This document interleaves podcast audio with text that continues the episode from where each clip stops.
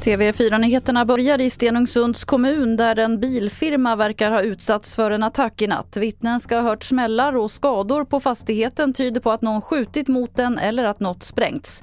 För en vecka sedan blev samma bilfirma beskjuten. Polisen utreder nattens händelse som grovt vapenbrott och grov skadegörelse. I Frankrike skadades minst 108 personer i samband med de våldsamma första maj-demonstrationerna igår. Missnöjet riktade sig mot president Macrons pensionsreform.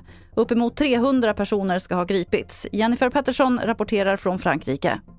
Det är då såklart våldsamheterna som är det som man framförallt pratar om. Och jag som var på plats i Paris kan intyga att det var väldigt, väldigt oroligt. Det var väldigt mycket tårgas som man fick över sig till exempel. Så att eh, framförallt väldigt, väldigt mycket våld som vi såg igår. Och man pratar också om den polis som har fått allvarliga brännskador efter att ha fått en molotov cocktail kastad på sig.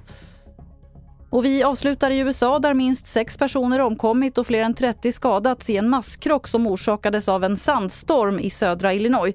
Hårda vindar blåste upp jord från åkrar på vägen så att sikten blev obefintlig. Uppemot 60 bilar och lastbilar ska ha varit inblandade i den stora krocken. Fler nyheter hittar du på tv4.se. Jag heter Lotta Wall.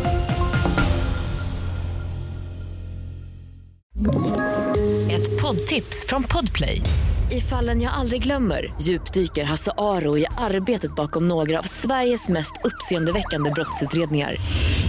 Går vi in med hemlig telefonavlyssning och, och då upplever vi att vi får en total förändring av hans beteende. Vad är det som händer nu? Vem är det som läcker?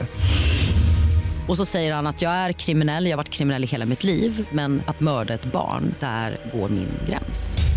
Nya säsongen av Fallen jag aldrig glömmer på Podplay.